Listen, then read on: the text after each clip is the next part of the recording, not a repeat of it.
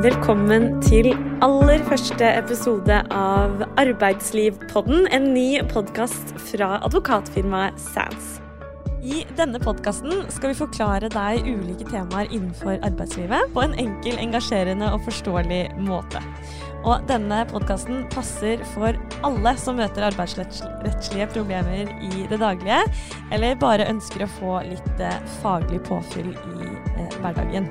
Og i hver eneste episode vil våre advokater i SANS snakke nærmere om et arbeidsrettslig tema, og komme med praktiske problemstillinger og fallgruver som arbeidsgivere ofte står overfor. Og med meg i dag har jeg med to superstjerner i Sands, nemlig Ellen og Henning. Og eh, Ellen, kan du begynne å fortelle litt om eh, hvem du er? Hei, Ellen Godram heter jeg. Jobber her i Sands i arbeidsrettsteamet. Og har jobbet med, som advokat med arbeidsrett i ca. ti år, og har nå gleden av å jobbe bl.a. med Henning. Ja, jeg heter Henning Heitmann, og jeg har jobbet med arbeidsrett i ca. 20 år. Eh, ni av de her i firmaet, og ti år i et annet firma. Og før det i Arbeidsdepartementet, så det er 20 år med arbeidsrett. Og mye bistand til forskjellige typer klienter, eh, mest i næringslivet. Ja. Mm. Et bra arbeidsrett-team har vi altså her sammen med Ellen og Henning. Og Ellen, kan du fortelle litt eh, om hva temaet i dag er? Ja, i dag skal vi eh, innom en eh, arbeidsrettslig klassiker. Det handler om arbeidsgivers styringsrett. Eh, og, men vi har jo lyst til å visse det inn mot situasjonen vi er i akkurat nå, og har vært i en stund.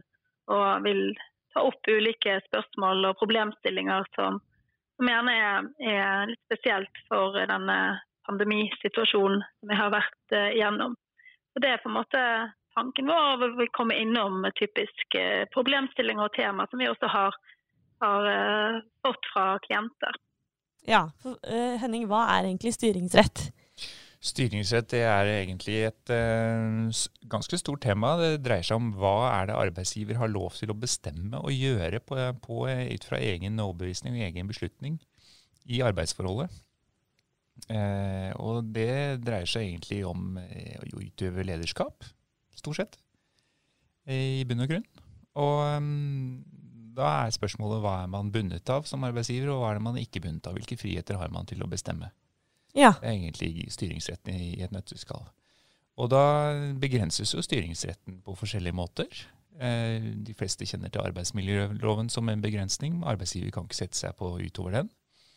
Den legger grenser for hva man kan bestemme. Og så har du avtaler som er inngått med de ansatte. Arbeidskontrakten som det mest sentrale, men det kan også være andre avtaler som begrenser styringsretten. Og så er det kanskje gitt noen løfter. Og mange virksomheter har også tariffavtaler. Så man kan jo binde opp styringsretten mer eller mindre som arbeidsgiver ut fra en frivillig, eh, fra frivillig atferd. Med hva man velger å avtale og ikke velger å avtale. Ja. Så det er litt viktig at arbeidsgiver tenker på hvordan skal jeg beskytte til å ta vare på styringsretten og ha fleksibilitet, ha mulighet til å bestemme ting når det er behov for det. Mm. Kan kanskje hoppe innom, som Henning var innom, at, at arbeidsavtalen er jo et viktig instrument for arbeidsgiver når man skal sikre seg fleksibilitet i et uh, ansettelsesforhold. Og uh, Det er jo gjerne det første vi spør om når, uh, når vi blir kontaktet. Så er det jo OK, hvor er arbeidsavtalen? Den vil jeg gjerne se. Og Forbausende ofte så ligger den gjerne i en skuff, og den har blitt inngått for mange år siden. og har ikke vært noe særlig bevissthet rundt den før det kanskje dukker opp et, et problem. Det er jo litt typisk. Og, og, um, så det tenker jeg er en misjon for min del å si at oppmerksomheten rundt viktigheten av gode arbeidsavtaler, den bør egentlig økes eh, generelt, tenker jeg. Vi kan jo si bruke et litt banalt eksempel, eller det er et eksempel fra Høyesterett knyttet til faktisk at ordlyden, altså hvilke ord man har benyttet i en ansettelsesavtale, har betydning for hvordan styringsretten kan utøves. Mm. Eh, og dette var en sak fra, fra, Bergen opprinnelig, men som ja, gikk i tre rettsinstanser og havnet til slutt i Høyesterett. Den um, handlet om to uh, sykepleiere som jobbet i hjemmetjenesten i Bergen kommune. Og hadde jobbet da som opprinnelig mens de var studenter, så jobbet de som eh, hjelpepleiere i hjemmetjenesten. Når de var ferdig utdannet, så skulle de da overta i sykepleierstillinger. Når de søkte på disse stillingene i hjemmetjenesten, så søkte de eksplisitt på senvaktstillinger, altså kveldsvakter. Og det passet best med situasjonen de var i. Og det var også det de fikk spesifisert i arbeidsavtalen sin. At den og den, du jobber der og der, og du har en senvaktstilling. Og så etter en stund så, så fant arbeidsgiver ut at vi ønsker ikke å organisere turnusen slik at alle skal kun ha senvakter eller kun ha dagvakter. Det var et veldig sånn saklig behov for at kommunen ønsket at alle skulle gå en roterende turnus. De eh, implementerte det og, og, ga disse her to damene det var snakk om, dagvakter i tillegg til døgnvakter. Det protesterte de på, og mente at arbeidsgiver ikke kunne i kraft av styringsretten det vi snakker om, altså I kraft av det å være sjef, så kunne ikke man bare bestemme at de skulle ha en annen type turnus.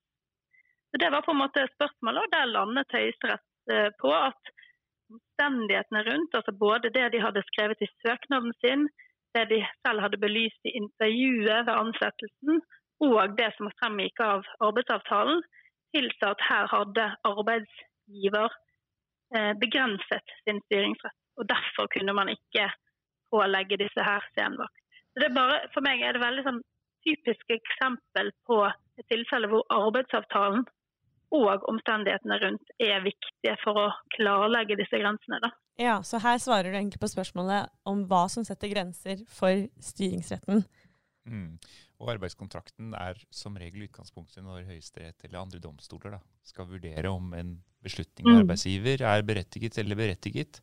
Så starter man med arbeidskontrakten og ser på hva er det som står der. Er man ansatt som eh, brannmann, så er det brannslukking man skal holde på med primært. Og så kan det være tåke et, et, litt uklart område. da. Hvor langt utenfor det kjerneområdet som er beskrevet i arbeidskontrakten, er det man kan pålegges å gå?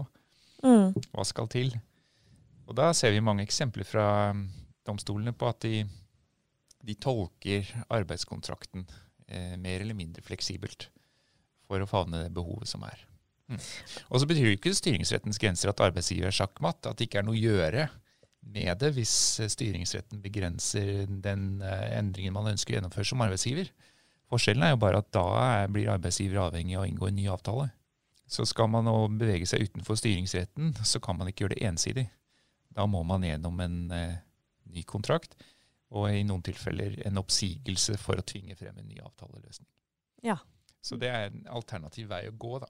Men styringsretten handler, handler egentlig om hva, hva er det man er berettiget til å bestemme som arbeidsgiver. Og da kan vi kanskje bevege oss eh, mot eh, dagens store problemstilling. Da. Hva er det som er spesielle problemstillinger når det er kriser som en pandemi? Da oppstår jo fort litt uh, andre premisser da, ut fra tenkningen om hva er det normalt arbeidsgiver kan bestemme i et uh, arbeidsforhold. Fordi da er ikke omstendighetene rundt arbeidsforholdet normale lenger. Og da oppstår andre behov. Og det vi ser i mye av denne rettspraksisen rundt domstolenes tolkning av kontraktene og loven og hva kan arbeidsgiver bestemme innenfor styringsretten, så ser vi at domstolen også legger vekt på hva som er rimelig i lys av samfunnsutviklingen, eh, ut fra bedriftens eh, behov, hva som har endret seg internt i bedriften. Markedsforholdene påvirker også, og dette legger også domstolene vekt på når de tolker eh, styringsretten og hva arbeidsgiver skal få lov til innenfor arbeidsforholdet. Og i en krisesituasjon så er det ofte behov for å gjøre beslutninger om endringer ganske raskt. Man har ikke tid til å gå til oppsigelser og forhandle om nye avtaler med alle ansatte. Og dette gjør at styringsretten i noen grad blir utvidet. Ja. Ellen, er det noen typiske problemstillinger du har møtt på eh, nå? Ja, altså Vi kan jo starte, hvis vi ser vender tilbake, blikket tilbake til eh, mars. Så var det jo eh, problemstillinger knyttet til permitteringer som dukket opp. Og Permitteringer det, er, det gjelder jo en, en midlertidig stans, et midlertidig opphør i et ansettelsesforhold. Og Det er også en styringsrettsbeslutning. Arbeidsgiver tenker at, og vurderer at vi har ikke nå lenger eh, mulighet til å sysselsette eh, de ansatte på en forsvarlig måte, og vi må vurdere hva vi skal gjøre. Da det ene ytterpunktet kan jo da være oppsigelser, men i en situasjon som vi har vært i nå, som har vært krisepreget og utpreget midlertidig, så har man dette grepet som heter, og muligheten som heter permitteringer. Og, og da, Det er en styringsrettsbeslutning, det også, eh, å gjennomføre det. Og så har du formkrav til hvordan og, og, dette skal gjøres, og hvem som skal velges ut for permittering osv. Det er jo gjerne de problemstillingene som dukker opp når vi snakker med, med enten det er ledere eller HR-personell, så er det jo nettopp denne hvordan skal vi utføre denne prosessen som arbeidsgiver på korrekt måte for at vi skal komme i mål med, med, det, med permitteringer i dette tilfellet. Så er det viktig å ha med seg det at styringsretten, arbeidsgiver har styringsrett til å bestemme hvor mange skal permitteres, hvilket omfang mm. skal det ha. Men regelverket setter grenser for hvordan du skal gå frem. ikke sant? Slik at du må følge de prinsippene som gjelder for fremgangsmåte. Der er det avtalt ting i tariffavtaler. Det er eh, også ulovfestet juss som ikke er kommet til uttrykk i lovverket og ikke står i, i, nødvendigvis i bedriftens egne avtaler, men som er en slags bransjepraksis eller arbeidslivets praksis for permitteringsprosesser. Eh, og det har jo vært tatt til orde for å lovfeste mer av permitteringsreglene, for de gjelder tross alt for hele næringslivet. Men eh, dit har man ikke helt kommet. Så det, her er det viktig at man søker råd, og at man vet hva som er prosessen, og følger den. Eh, og selv om man da skal gjennom drøftelser med tillitsvalgte og, og lytte til innspill fra de ansatte, så er det viktig at man følger den fremgangsmåten. For ellers så får man ofte et høyt konfliktnivå omkring permitteringene. Du kan få også et spørsmål om permitteringene er gyldige og lovlige hvis man ikke har fulgt de reglene som gjelder. Da. Så styringsretten må også i, i gjennomføring av permitteringene følge de retningslinjene så man ikke kommer i, i konfliktsituasjoner som følge av brudd på det. Ja, og Konsekvensen av en man har gått uh, feilaktig frem, vil jo kunne være at en permittering blir ansett ugyldig, eller som en fordekt oppsigelse. Den type ting, og kan komme med et erstatningsansvar som arbeidsgiver. Så Det er viktig å ta disse tingene på, på alvor. Som eh, Henning sier, så vil jo det lovverket sette grenser, og det gjør det jo også her med tanke på hvilke yttergrenser man har for permittering. Eh, utgangspunktet er at det skal kun benyttes hvis situasjonen er midlertidig. Det betyr jo at arbeidsgiver hele tiden må, må se om det er håp, om det er lys i tunnelen. Hva er yttergrenser? Er det på en måte Ja, hvor, hvor lang tid, altså hvor lenge man totalt sett kan permittere noen. Eh, og der, eh, der, eh, er utgangspunktet at man skal jo bare benytte dette i en midlertidig situasjon. Eh, så permitteringsadgangen den eh, tar slutt når man ikke lenger ser lys i tunnelen. Det er på en måte utgangspunktet. Men så har du selvfølgelig en absolutt grense også. Um, I tariffavtalene så er jo utgangspunktet at det ikke kan gå lenger enn seks måneder. Da skal det en ekstra runde til med drøftelser med de tillitsvalgte. Uh, og så har vi nå i forbindelse med korona fått egne regler knyttet til hvor lenge arbeidsgiver kan få lønnsfritak for permittering. For Det som er det viktige for arbeidsgiver selvfølgelig når man velger permittering, det er at man blir fritatt fra lønnsforpliktelsen som man har. Og Den er nå totalt sett eh, 49 uker. Eh, det er det som, som gjelder der. Så, så, permitterer man lenger enn 49 uker innenfor 18 måneder, så, så, har man ikke lenger dette lønnsfritaket. Og da er jo det i realiteten yttergrensen for permittering også. Så permittering er viktig for å midlertidig kunne innskrenke driften, rett og slett. Og si at uh, nå trenger vi bare halvparten så mye folk, så nå må halvparten ta fri. Ja. Så uh, må man lønne de første ti dagene, og så går de over på dagpenger fra Nav. Så um, det er, det er, starten egentlig på en sånn krisehåndtering, og dette ser vi jo ofte i forbindelse med krisesituasjoner, at permitteringsbehovene dukker opp. Så kan det være sånn uh, også i bedriften at forskjellige områder bedriften har forskjellige behov. Noen uh, områder så er det faktisk mer behov enn ellers. Og Da har man også en plikt til å tilby de permitterte arbeid som de er kvalifisert for, fremfor å permittere de eh, fra den ordinære jobben. Så her kan det være behov for å flytte folk over i andre funksjoner enn det de er ansatt for. Ja, som en midlertidig omorganisering. Det kan det være. Så eh, i krisesituasjoner kan det være områder som vesentlig øker behov for bemanning på. Og det må arbeidsgiver eh, også tilpasse seg, da. Så det er lov å endre arbeidstaker sine eh, oppgaver eh, i en sånn situasjon, hvis personen kan utføre arbeidet? Det er litt uklart hvor langt arbeidsgiver kan pålegge de ansatte å ta helt andre oppgaver. Eh, antagelig går den adgangen lengre enn i en vanlig situasjon, hvis det er en krisesituasjon. Men eh, hvis det er et helt annet type arbeid, så eh, tror jeg kanskje arbeidsgiver må, må fri til at de ønsker å ta det arbeidet. De fleste ansatte vil jo heller ta et annet arbeid enn å bli permittert og gå ned til 62% av inntekten som dagpengene ligger på. Så det er viktig at man tenker igjennom det. Men jeg tror de fleste er interessert i å ta annet arbeid hvis de kan få det innenfor bedriften. Det er kanskje litt annerledes ved permanent omorganisering. At uh, ansatte ikke nødvendigvis vil bytte helt jobb. det er helt klart. Det er uh, atskillig mer følsomt. Og da får man kanskje en helt annen tittel, og kanskje man går ned i lønn osv. Og, så og det er jo mye mer anstrengende enn i disse midlertidige omplasseringsbehovene.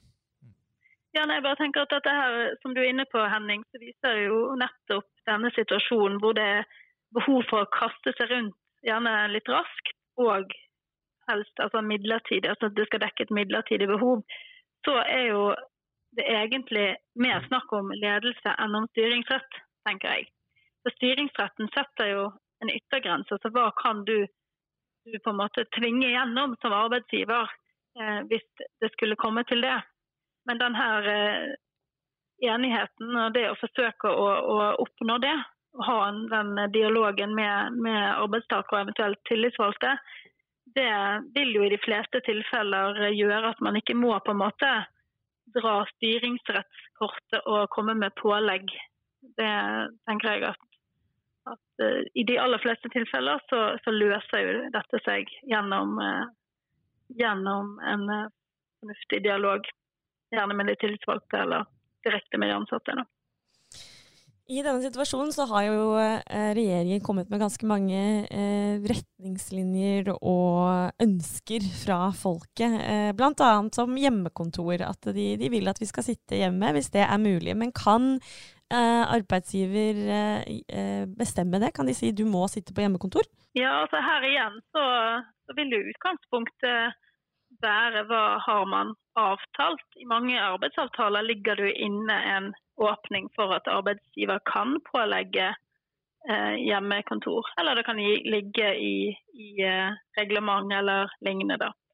Men eh, jeg mener i hvert fall at i en sånn midlertidig situasjon som jeg har vært i nå, så, så vil arbeidsgiver kunne pålegge hjemmekontor i kraft av styringsretten. Men da snakker vi om i, i denne midlertidige fasen som vi er i nå. Og her eh, har vi også det spesielle med at eh, i både Oslo og i Bergen i hvert fall, så er det jo forskriftsbestemt at det skal være hjemmekontor. Men med den, med den eh, reservasjonen at det må være nødvendig selvfølgelig, eller mulig. Så, Men akkurat så, du sier det er nødvendig og mulig. Det er også litt sånn tolkningsspørsmål. Hva er det som er helt nødvendig? Mm.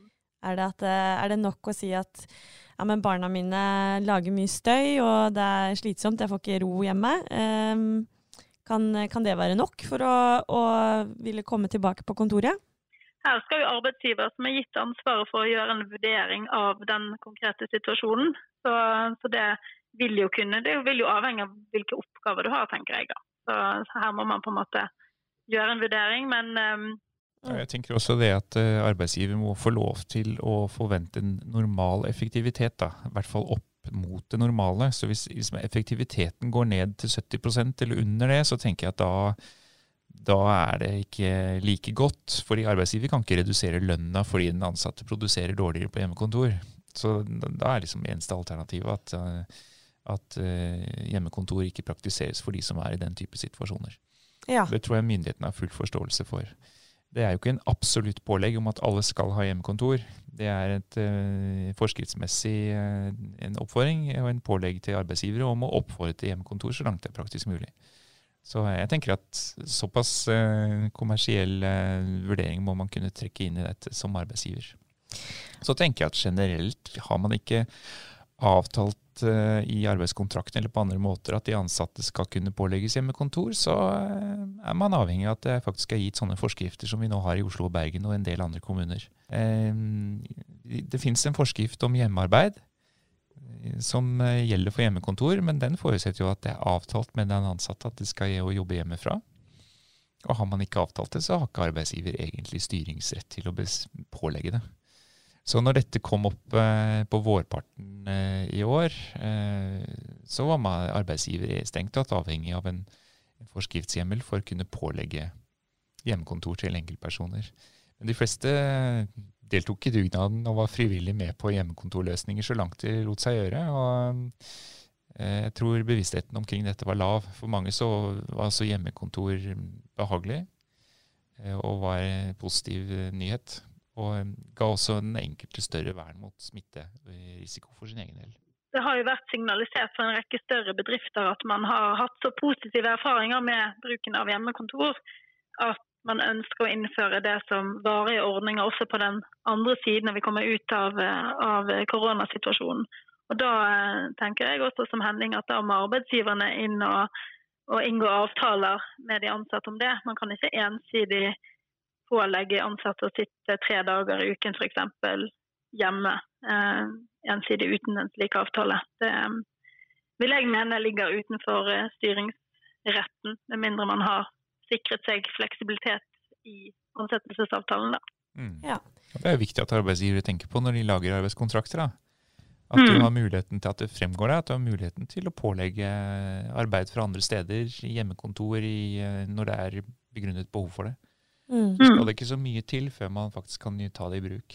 Mm. Eh, men eh, må arbeidsgiver da tilrettelegge for eh, at arbeidstaker kan jobbe greit hjemmefra? Ja, Henning, du var jo inne på denne hjemmekontorforskriften.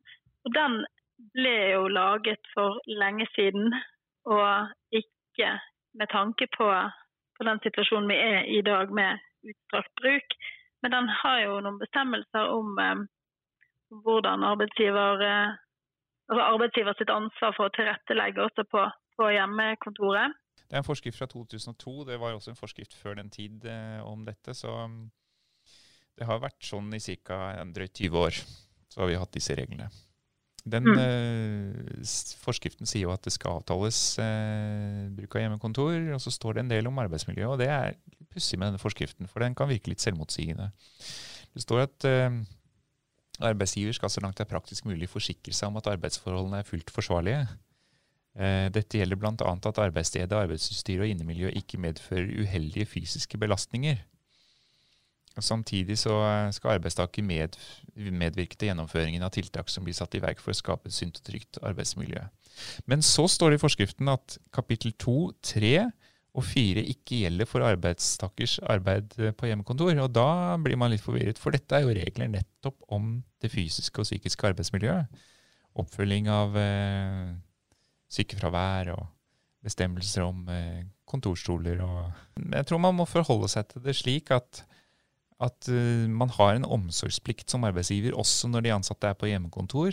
Man skal holde kontakten med dem og sørge for at de har en så god arbeidshverdag som mulig. Men de konkrete fysiske kravene til innretning gjelder ikke direkte fullt ut. Mm. Okay. Jeg tenker heller at Man har ikke noe direkte krav som arbeidstaker nødvendigvis for å få dekket kostnader til stol og skjerm og den type ting. Det er i hvert fall ikke noen sånn egen hjemmel som gir ansatte et krav på den type dekning. Arbeidsgiver må ikke gi deg et tilpasset arbeidsmiljø si, hjemme? Nei, det er dårlig regulert eh, og uklart regulert. Og jeg tror vi vil se en revisjon av denne hjemmekontorforskriften eh, i løpet av neste år. Det vil jeg synes er helt naturlig at man klargjør disse reglene, hva som skal gjelde på hjemmekontorsituasjoner. Du var jo litt innom sykefravær og, og sånn, men øh, ja, jeg sitter mye hjemme. Jeg får vondt i nakken, og nå funker ikke høyrearmen sånn som den skal. Jeg orker rett og slett ikke å sitte og klikke på den musa lenger. Mm. Eh, som også kanskje da kommer som følge av at jeg sitter på en, eh, i en kjøkkenstol og på spisebordet mens jeg jobber. Arbeidsgiver har kanskje ikke tilrettelagt for meg hjemme. Eh, hvordan løses det da? Dette er jo enkle, praktiske ting som kan løses. Jeg tenker at det er jo mer eh, mer utfordrende kanskje knyttet til det psykososiale arbeidsmiljøet. Det er jo mm. egentlig der det kanskje trykker på for veldig mange som sitter på, på hjemmekontor og mangler daglig kontakt med kolleger og kanskje bor alene. Og så har jo det å være på jobb en viktig eh, helsefremmende funksjon for veldig mange. Og der eh, tenker jeg at eh, også som en del av omsorgsplikten, så, så kan man jo tenke seg at arbeidsgiver i hvert fall bør eh, ha en ekstra fokus på det, og, og kanskje kjøre en, kjøre en eh, ekstra runde med, med, samtaler med de ansatte da, for nettopp å ivareta den eh, type forhold, og kanskje kartlegge om det er noen som må komme, kunne komme på jobb innimellom for å, for å unngå at man blir syk. Kan arbeidsgiver ta inn arbeidspsykologer og, og, og møte de ansatte med, eh, med, den type hjelp i, i denne perioden? Mm. Flere klienter som jeg har jobbet med i denne fasen, har etterspurt det og bedt om eh, å få eh, anbefalinger og, og, få satt i gang noen sånne internprosjekter. Eh, om det er et motivasjonsforedrag, det kan hende at det fungerer. Det kan være annen type tilbud, én-til-én-samtaler eller andre ting. Og også at ledere utform, utfordres og utvikles i det å bli gode samtalepartnere med sine medarbeidere. Sånn at dette blir en kompetanse man også opparbeider i bedriften. At ikke man bare setter ut en fremmed, men at det blir en del av bedriftens eh, lederskap. da. Mm. Håndtering av hver enkelt medarbeider. Så mm, det kan arbeidsgiver gjøre, og det gjøres også nå i, i større og større omfang, har jeg inntrykk av. Mm. Ja, arbeidsdagen er jo veldig veldig viktig for mange mennesker. Og åtte timer om ni-ti timer om dagen er også livet for veldig mange mennesker. Ja, så man har lite sosial kontakt ellers. Man har kanskje ikke familie og eh, ikke naboer man er sammen med, og det blir lite sosial kontakt, så eh, blir arbeidsplassen veldig viktig. Mm. Og hvis man da blir holdt på hjemmekontor i mange, mange uker, så er det klart at det sliter på en del. Det må vi ta på alvor. Det tror jeg arbeidsgivere ser, og det tror jeg de er interessert i å imøtekomme slik at eh, arbeidshverdagen blir så bra som mulig. Fordi engasjerte og fornøyde medarbeidere yter langt, langt mer enn de som sliter med motivasjon. Mm. Mm. Kan vi snakke litt om dette med endring av ytelser? Kan arbeidsgiver eh, endre på pensjonsnivå eller bonuser osv.? Ja, her tror jeg veldig mange har benyttet eh, den friheten de har til å, til å ta ned kostnadssiden sin. Og eh, når det gjelder pensjoner, så er det ofte frihet til å gjøre det, fordi arbeidsgiver ikke har bundet seg ved avtale. Så her, ganske, her, blir det ganske tydelig om arbeidsgiveren har inngått tariffavtaler eller individuelle avtaler som har lovet et uh, pensjonsnivå, eller at de i forbindelse med rekruttering har lovet et pensjonsnivå og argumentert for det for å, uh, for å uh, inngå arbeidsavtale med kanskje litt lavere avlønning, fordi du har tross alt en god pensjonsavtale. Da binder man seg opp. Men har man ikke bundet seg, så har man anledning som arbeidsgiver til å justere på pensjonsinnskuddene. Så det ser vi at mange bedrifter har gjort. og Du kan gå ned til 2% innskudd fra arbeidsgiversiden. Eh, det er minimum etter norsk lov. Så der stopper styringsretten for alle. Men eh, utover det så er det et spørsmål om hva man har bundet seg til i avtaler. Når det gjelder bonuser, så er det mer krevende. Som regel så har man eh, forpliktet seg på bonuser og gitt løfter som er nokså bindende. Det kan hende at premissene for den bonusordningen har blitt endret gjennom pandemien. På en slik måte at uh, bonusen bortfaller. Eller at uh, alle vil forstå at her er det rimelig å justere bonusen ut fra totalsituasjonen. Men uh, i bunnen ligger jo at de fleste bør ha tenkt igjennom å ha visse vilkår i bonusordningen sin da, som forutsetter f.eks. For overskudd i bedriften. Mm. at man ikke forplikter seg til å utbetale bonuser med mindre disse tingene er på plass. Så de fleste som har laget bonusordninger, har tenkt igjennom det og har det som en del av sine standard bonusvilkår. Da. En ting vi har eh, lest og sett mye om i media, er jo disse utenlandske arbeiderne og eh, karantenekrav, og tar de med seg koronaen inn? Og det er veldig mange eh, store spørsmål her. Hvordan, ja, hvordan, håndterer man det som arbeidsgiver? Jo, her har det jo vært, som du sier, stort fokus og endrende regler, ikke minst for hvordan eh, arbeidsgiver må forholde seg til eh, utenlandsk eh, arbeidskraft. Og i lang tid så var det jo unntak fra karantenekravene, men så det, kom det inn også for, for arbeidskraft som kommer fra røde områder. Og nå har vel hele Europa ca. vært rødt ganske lenge, sånn at det i praksis gjelder for alle ansatte som eh, arbeidstakere som er bosatt i utlandet. Og, og her har du selvfølgelig en rekke problemstillinger. Det første er jo, er jo det at eh, de ansatte må være i en karantene i ti dager før de kan begynne arbeidet. Altså de kan gjerne ikke stille på jobb før, altså etter når de skal, fordi de er i karantene. Det reiser problemstilling om de må reise inn før, altså ti dager før de skulle ha begynt på jobb, eller om de, om de kan, eh, kan, eh, komme og være i karantene mens de skulle vært på jobb. Dette har vært en, en vanskelig debatt som ikke nødvendigvis er, er helt eh, enkel heller. men altså Hvis man ser på sånn styringsrettsperspektiv, så kan jo utgangspunktet ikke arbeidsgiver bestemme hvordan ansatte skal være på sin fritid. Det vil jo også gjelde for, for, ansatte som er bosatt i utlandet, som gjerne har en turnusordning, og så har de friperioder og arbeidsperioder. Og da er utgangspunktet at i, den, i, de friperiodene så må de nettopp kunne være hjemme hos familien sin, gjerne, og ha familie med forpliktelser i andre land, og da selvfølgelig må kunne være der. Men så har de også en forpliktelse til å stille på jobb når de skal på jobb etter den turnusavtalen. Så her har du jo, eh, tenker jeg at eh, fraværet eventuelt fra jobb kan jo være altså, lovlig fravær fordi at du er i en myndighetspålagt karantene. Men spørsmålet kommer jo da om arbeidsgiver har en lønnsplikt for den ansatte som ikke møter på jobb etter, altså etter den turnus man er fastsatt i. Jeg vet ikke Henning, hva du tenker. Det er vel litt ulike syn på det, men um, utgangspunktet må vel at det ikke er lønnsplikt. Mm. Dette, dette, er jo ikke direkte regulert i, eh, i, eh, lovverket i det hele tatt. Og det er vel ingen som har tatt høyde for de arbeidskontraktene heller. Så da blir det liksom spørsmål hvem har risikoen for at den ansatte havner i karantene og ikke kan møte på jobb? Er det arbeidsgiver som skal ta risikoen for det og betale lønn, selv om han ikke møter, eller er det arbeidstakeren som må ta risikoen fordi han faktisk ikke kan møte og utføre arbeidet? Og eh, da tenker jeg at man må falle tilbake på grunnsynspunktet i arbeidskontrakten, som er ytelse mot ytelse. Arbeidstaker stiller arbeidskraften til disposisjon. Og når han gjør det, så vil han få lønn som motytelse for å stille seg til disposisjon for arbeidsgiver. Når det oppstår en hindring som, som gjør at arbeidstaker ikke kan møte på arbeid, så er det heller ingen lønn å få. Eh, sesongbasert, da. Altså, jeg bor i eh, Sverige. Der, der, jeg bor, det vet arbeidsgiver veldig godt. Eh, og arbeidsforholdet starter eh, i, en gitt dato, men det er pålagt karantene. Er det fortsatt uh... Ja, da mener jeg at du som arbeidstaker må sørge for å reise inn i Norge slik at du får gjennomført karantenen før du skal møte på arbeid. Ja.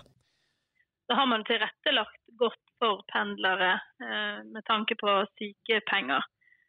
For eh, man vil eh, kunne få rett til sykepenger hvis man er eh, pendler og blir pålagt karantene så vil man som utgangspunkt ha om man oppfyller kravene, da, i hvert fall i folketrygdloven, ha rett på sykepenger for de dagene det gjelder.